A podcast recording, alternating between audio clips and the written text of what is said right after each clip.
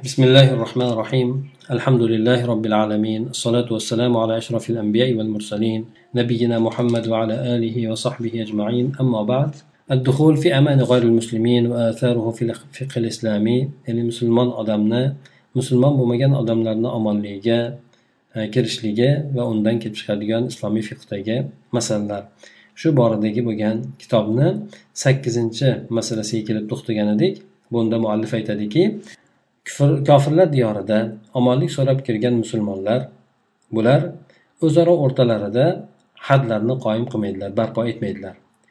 Hadlar degani bu shariat tomonidan belgilangan jazolar. Shariat tomonidan agar belgilangan jazolar bo'ladigan bo'lsa bularni hadlar deydi. Bu masalan darra urishlik bo'lsin yoki qo'lni kesishlik bo'lsin qasos olishlik bo'lsin yoki boshqa shunga o'xshagan hadlarni aytiladi. Ta'zir esa hadlarga oshiqcha bo'lgan narsa. Ya'ni hadlar shariat tomonidan belgilanmagan lekin bu qozi tomonidan o'sha jinoyatchini jinoyatini ko'rib turib o'shanga yarasha jazoni berilishligi bu ko'proq ta'zir deb aytiladi. Demak bu yerda hudud degani shariat tomonidan belgilangan jazolar ekan jinoyatlarga belgilangan jazolar ekan. Ana o'shalarni barpo qilmaydilar deydi. Ya'ni o'shalarni ijro qilishmaydi.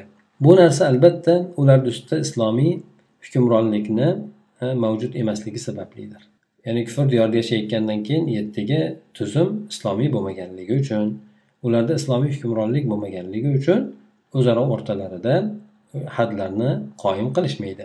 Lekin bular gunohlarni o'sha hadlarni lozim tutib turuvchi gunohlarni qilishlikdan kelib chiqadigan narsalarni lozim tutishadi. Albatta birovni o'ldirib qo'yadigan bo'lsa diyasi lozim bo'ladi yoki bo'lmasa boshqa bir ishni biror narsasini o'g'irlaydigan bo'lsa qaytarib berishlik kerak bo'ladi. Alloh taologa tavba qilish kerak bo'ladi. Ana o'shalarni demak ular lozim tutadilar deydi. Bu albatta inson tavba qilishligi ba'zi e, amallarga ro'za tutishligi keladi kafforat berishligi keladi diya xun to'lashlik keladi.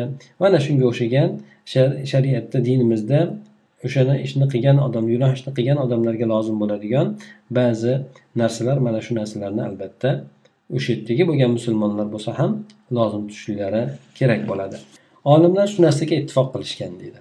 Ya'ni yuqorida aytib o'tgan hadlarni qoyim qilishlik barpo qilishlik ularni ijro qilishlik bu islomiy hukumatni vazifalaridan. Shaxslar uchun ham jamoalar uchun ham o'sha narsalardan birontasini qoyim barpo qilishlari mumkin bo'lmaydi. Illo faqatgina shu narsalar islomiy hukmronlikni mavjudligi borligi soyasida bo'ladi. Va o'sha islomiy hukmronlikni davlatni izni bilan va uni yoki bo'lmasa topshirib qo'yishligi e, ruxsat berishligi shunaqa narsa bilangina bo'ladi. Islomiy bo'lmagan diyorlarda yashayotgan musulmonlar islomiy hukmronlikka bo'ysunishmaydi. Ular uchun o'sha davlatlarni qonunlari o'zaro o'rtalarida hadlarni qoyim qilishlikka ruxsat bermaydi. Sababi bunday narsalarni qilishlik o'sha yerdagi bo'lgan davlatni hukmronligiga zid sanaladi. Va o'sha yerdagi bo'lgan o'sha davlatni hukmronligini poymol huquqini poymol qilishlik bo'ladi. Va grajdanlik bo'lsin yoki bo'lmasa iqoma degani vidna deb qo'yiladi. Ya'ni o'sha yerda yashashlik huquqini olishlik mana shu narsalarni shartlariga qarshi chiqishlik bo'ladi. Shuning uchun o'sha yerda yashayotgan odamlarga o'zaro o'rtalaridagi bo'lgan qasoslar bo'lsin yoki boshqa shariat tomonidan belgilangan jazolar bo'lsin bu narsalarni qo'llashlik ruxsat berilmaydi. Ular endi lekin bu narsa o'sha ishlarni qilgan odamlardan diniy bo'lgan ibodatga aloqador bo'lgan hukmni ham hamda oxiratdagi bo'ladigan uqubatni ham soqit qilib qo'ymaydi. Albatta diniy taabbudiy bo'lgan hukm degani bu yerda tavba qilish kerak o'sha ba'zi kafforatlarni to'lash kerak bo'ladi hamda u odam oxiratdagi bo'lgan jazosi. Agar shu narsalarni qilmaydigan bo'lsa bu narsalarni o'sha jinoyat ishlarini qilgan odamlardan soqit qilmaydi deb aytib o'tadi. Muallif aytadiki bu masala shunga yaqinroq bo'lgan masaladan kelib chiqadi. Buni avvaldagi olimlar jihod boblarida keltirib o'tishgan edi. Bu ham bo'lsa islomiy askar dushman yerida bo'lgan paytida yoki jang maydonida bo'lgan paytda dushman bilan ro'para bo'lib turgan paytida hadlarni qoyim qilishlik masalasi. Ya'ni dushman yerda turgan paytida musulmonlardan birontasi bir jinoyat ishini sodir etadigan bo'lsa o'sha odamga nisbatan masalan qo'lni kesishlik kerak bo'ladigan bo'lsa qo'lni kesishlik yoki bo'lmasa toshbo'ron qilishlik kerak bo'lsa toshbo'ron qilishlik mana shu masalalarni bo'ladimi yoki bo'lmaydimi degan masalada izlanishgan ekan. Olimlar bu masalalarda ixtilof qilishadi. Molikiy mazhab bilan shofiy mazhabida aytadiki imomga ya'ni imom xalifa hokim shularga o'sha hadlardan biron narsani qilib qo'ygan odamlarga hadlarni qoyim qilishligi lozim bo'ladi. Bironta odam birontasini narsasini o'g'irlab qo'yadigan bo'lsa albatta qo'lni kesishligi lozim bo'ladi. Chunki o'sha jazolarni qo'llashlik bu namoz ro'za zakot kabi farz hisoblanadi. Bu yerda doril harb bo'lishligi o'sha narsalardan bironta narsani soqit qilib qo'ymaydi.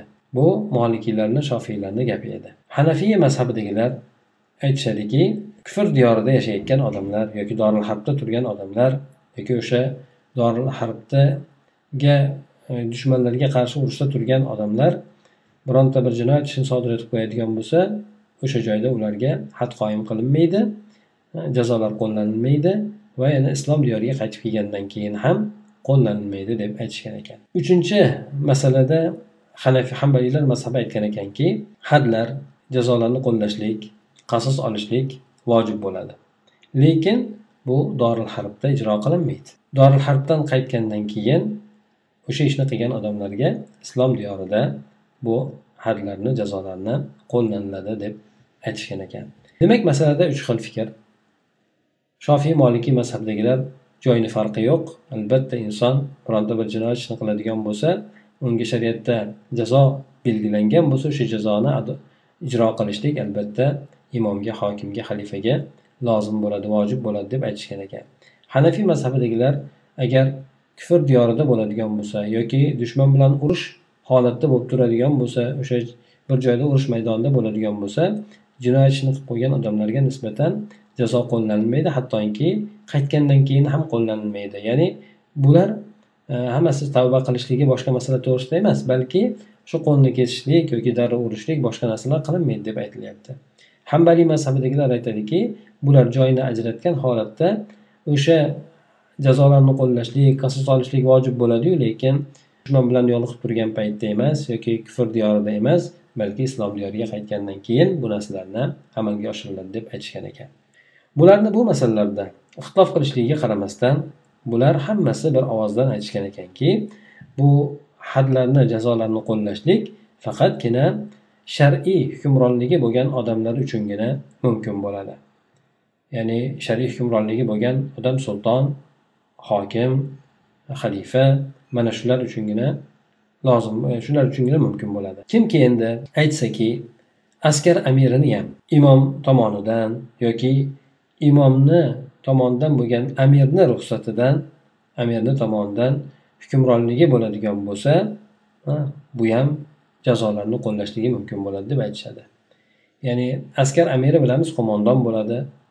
O'sha qo'mondon ham agar xalifa tomonidan hokim tomonidan qo'mondon qilib saylab o'sha askarga amir qilib jo'natilgan bo'lsa bu amir askar amiri ijro qilsa bo'ladi deb ba'zi olimlar aytishgan ekan. Bu avzoiyni mazhablari shu bo'lgan ekan.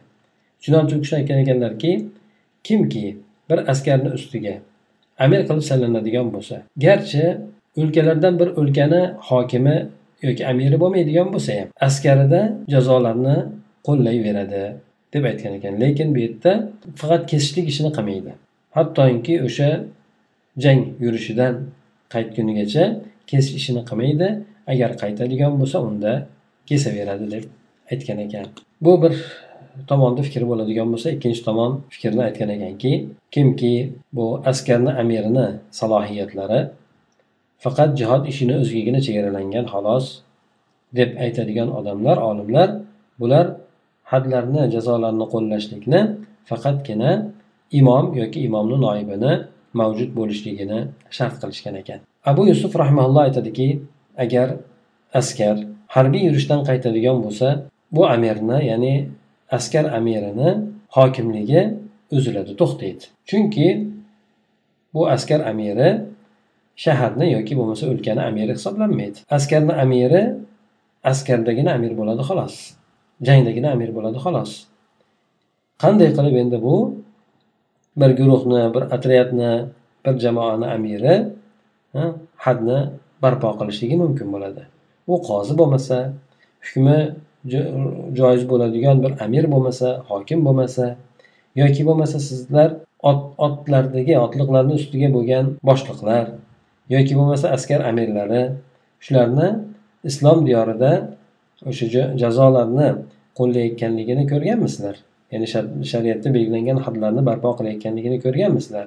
Shuningdek ular doril harbga kirishadigan bo'lsa ham shuningdekdir. Ya'ni ular islom diyorida ular qo'llashlik hukmi imkoniyati salohiyati bo'lmagani kabi doril harbga borgan boradigan bo'lsalar ham o'sha askarni amirini bu yerda imkoniyati yoki huquqi bo'lmaydi deb aytgan ekan. Demak harbiy amirlar bular hadlarni barpo qilishlikka salohiyati berilmagan ekan. Imom shofiy rahmalloh aytadilarki askarni amiri hadlarni barpo qilaveradi. Yer qayerda bo'lishidan qat'iy nazar. Bu imom shofiyni gaplari. Agar o'sha narsaga voliy qilib saylangan bo'lsa o'sha narsaga ruxsat berilib ruxsat olgan bo'lsa agar voliy qilib saylanmagan bo'lsa o'sha ish topshirilmagan bo'lsa endi o'sha hadni ustida guvoh bo'lib turgan guvohlarga o'sha guvohlik keltirilgan odamni o'sha ishni qilib qo'ygan odamni o'sha ishni voliysi bo'lgan ishi topshirilgan imomga yoki hokimga olib kelishliklari lozim bo'ladi. Ya'ni agar amirni o'shanga salohiyati berilmagan bo'lsa salohiyat egasi bo'lgan o'lka amiri bo'lsin hokimi bo'lsin yoki xalifa bo'lsin ana o'shalarga guvohlar haligi muttaham bo'lgan odamni yoki jinoyat qilgan odamni olib kelishliklari vojib bo'ladi. Bu islom diyorida bo'lsin yoki doril harbda bo'lsin farqi yo'qdir degan ekan. Yana bu narsani alloh taolo bandalariga vojib qilgan hadlar borasida islom diyori bo'ladimi dorul harb bo'ladimi orasida farq yo'qdir deb imom shofiy rahimalloh aytgan ekan. Yana boshqa bir o'rinda aytib o'tadiki bu kishi musulmonlar. Ba'zilari ba'zilariga nisbatan dorul harbda bironta bir jinoyatlarni qiladigan bo'lsa bularni qayerda bo'ladigan bo'lsalar o'sha jinoyatini hukmi lozim bo'ladi. Agar o'sha narsa ularni imomlariga qilinadigan bo'lsa ya'ni imomlari o'sha yerdagi hokimlari ga olib chiqiladigan bo'lsa albatta bu yerdagi diyorni qanday bo'lishligi ulardan allohni haddini ham musulmon bo'lgan odamni haq huquqini ham bekor qilmaydi. Ya'ni qo'yib qo'ymaydi bekor qilmaydi. Albatta allohni haddini bu narsa bekor qilolmaydi.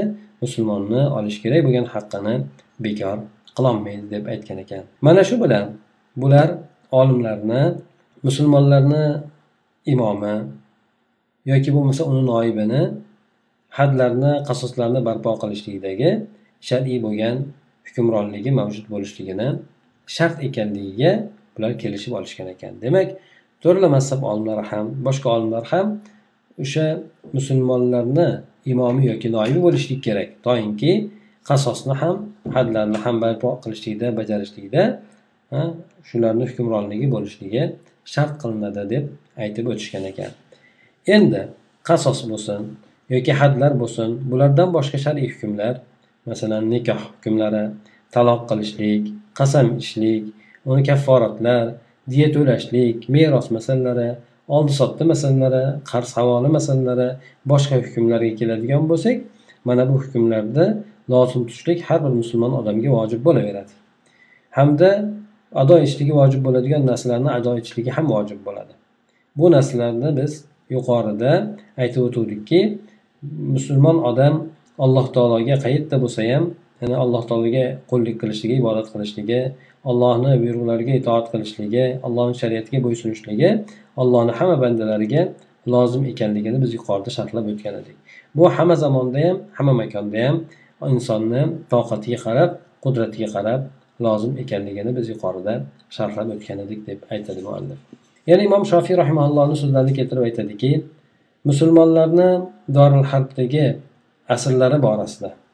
Bular ba'zilarini ba'zilari o'ldirib qo'yadigan bo'lsa bir birlarini jarohatlab qo'yadigan bo'lsa yoki ba'zi ba'zilarini talon taroj qilsa so'ng bular islom diyoriga qaytib kelishadigan bo'lsa hadlar ularni o'rtasida barpo qilinadi. Agar ular islom diyoriga qaytib kelishadigan bo'lsalar bu yerda diyorni qanday bo'lishligi alloh taoloni hukmini man qilib qo'ymaydi. Yana bular bundan tashqari o'zlariga vojib bo'lgan hamma zakotlarni ham oldin berolmagan zakotlarni ham ado etishadi. Diyorni qanday bo'lishligi ulardan farz bo'lgan narsalarni soqit qilib qo'ymaydi. Imom saraxsiy rahimaulloh aytgan ekanlarki agar musulmon odam doril harbga omonlik bilan kiradigan bo'lsa u yerda ikki yil yashab turadigan bo'lsa bu odamga yurtida qoldirib ketgan mollarida ham doril harbda foydalangan mollarida ham zakot berishligi vojib bo'ladi. Chunki u odam qayerda bo'lishidan qat'iy nazar islom hukmlari bilan xitoblangandir islom hukmlarini qilishlikka mukallaf bo'lgandir.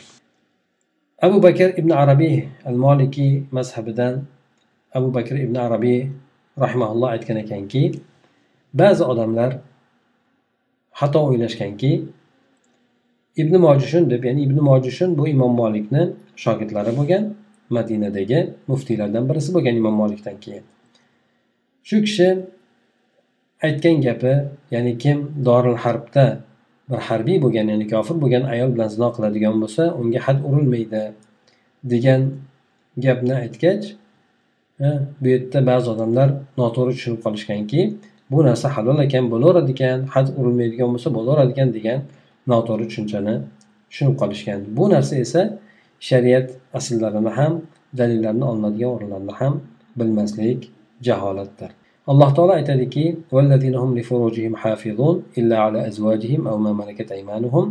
ya'ni alloh taolo mo'minlarni sifatlab o'tgan paytda ular o'zlarini avratlarini saqlaydilar. Faqatgina ayollari bo'lsin yoki qo'l ostidagi cho'rilari bo'lsin bulardangina saqlamaydi qolgan kimsalarni hammasidan saqlaydi. Ya'ni ular bilan aloqada bo'lmaydi degan mazmunni ham bundan tushunsak bo'ladi.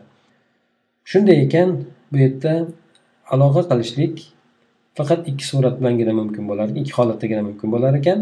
Ya'ni birisi ayoli bo'lishligi ikkinchisi cho'ri bo'lishligi. Lekin abu hanifa rahimaulloh ham aytadiki bu doril hadda had qilinmaydi had urilmaydi deb aytadi. Bu narsa bilan ibn mojishun abu hanifa mazhabini tortishgan ekan bu, bu masala borasida. Ya'ni e, had urilmaydi deganligini yuqorida aytib o'tdik. Ya'ni u yerda had urilmasligini sababi shart had urilishligi mumkin bo'lgan odam murtad bo'lib ketib qolishligi yoki kufr kofir tomoniga o'tib ketib kofirlar tomoniga o'tib ketib qolishligi ham ehtimoldan xoli emasligini e'tiborga olgan holatlarida bular o'sha joylarda e, hadlarni qoyim qilinmaydi deb aytishgan. Ammo endi haromligiga keladigan bo'lsak bu narsa ya'ni e, doril harbda inson harbiy bo'lgan o'sha kofir bo'lgan ayol bilan zino qilishligi masalasiga keladigan bo'lsak buni haromligi olimlar o'rtasida ittifoq kelingandir. Ya'ni bu masaladagi bo'lgan e, biror g'aflat bosdik endi sizlarni bu masalada xato qilishlikka undab qo'ymasin deb bu kishi aytgan ekan. Shubhasiz albatta shar'iy bo'lgan hukmlarni barpo qilishlik bu yoki bo'lmasa ulardan ko'prog'ini umumlarini umumiy bo'lganlarini barpo qilishlik bu g'arb diyorlarida yashayotgan e, musulmonlarni qudrati ostiga kiradi albatta. Balki g'arb g'arbiy hukumatlardan ko'plari shaxsiy holatlardagi bo'lgan islomiy hukmlardan bir majmuasini ijro qilishlikka ruxsat ham berib qo'ygan. Albatta bu narsa shariat hukmiga asosan ijro qilishlikka ruxsat ham berib qo'ygan. Ya'ni bu masalalar taloq masalalari nikoh masalalari masalan hamda islomiy bo'lgan muassasalar ham rasmiy bo'lgan ruxsatnomalarni chiqarishgan chiqarishlarni rasmiy bo'lgan ruxsatnomalarni beradi. Masalan bu odam nikoh qilishligi masalan bu narsalarni yana ular tavsiq bilan ya'ni hujjatlar bilan ya'ni ehtimol bir muhrlar bilan mana shu narsalar bilan bu narsalarni ularga ruxsat ham berib qo'ygan. Bu narsa albatta islomiy uyushmalarga nisbatan bo'ladi. Endi ammo islomiy aqlliyatlarga keladigan bo'lsak ya'ni bir joyda o'sha joyda yashab turgan ozchilik bo'lgan musulmonlarga keladigan bo'lsak bular esa ko'plab huquqlar imkoniyatlar imtiyozotlardan anchasidan foydalanishadi bular deb aytadi. Demak e, bu masala ostida g'arb diyorlarida yashayotgan musulmonlar shariat hukmlarini xosatan hadlarni qoyim qilishlikka shoshilmasliklari kerak. U joylarda hadlarni qoyim qilishlik ruxsat ham berishmagan olimlar. Sababi mana aytib o'tildi u yerda yashayotgan musulmonlar na askar amiri bo'lsin na bir hukmronligi bo'lgan odamlar bo'lsin ular ham oddiy fuqarolardan birisi. Sanaladi shuning uchun bu yerda g'arb diyorlarida e, hadlarni qoyim qilishlik demak salohiyati berilmagan ekan. Faqatgina shariatda o'sha hadlardan boshqa hukmlar keladigan bo'lsa bu nikoh masalalari taloq masalalari meros masalalari boshqa masalalarni shariat hukmiga muvofiq yechilishligiga e, ruxsat ham berib qo'yishgan ekan. Bu narsalarni o'zaro o'rtalarida musulmonlar hal qilib yetishliklari shariatga mos suratda yetishliklari mumkin bo'laverar ekan had masalalarni keladigan bo'lsak bu narsalarni o'zaro o'rtalarida qo'llanilmaydi lekin unga olib boruvchi bo'lgan masalalar ya'ni tavba qilishligi hamda diya to'lashligi o'g'irlab qo'ygan bo'lsa o'g'irlagan narsasini berishligi qaytarishligi mana shu narsalarni hammasi o'sha ishni qilib qo'ygan odamlarga vojib sanalar ekan سبحانك اللهم وبحمدك نشهد أن لا إله إلا أنت نستغفرك ونتوب إليك اللهم انفعنا بما علمتنا وعلمنا ما ينفعنا وزدنا علما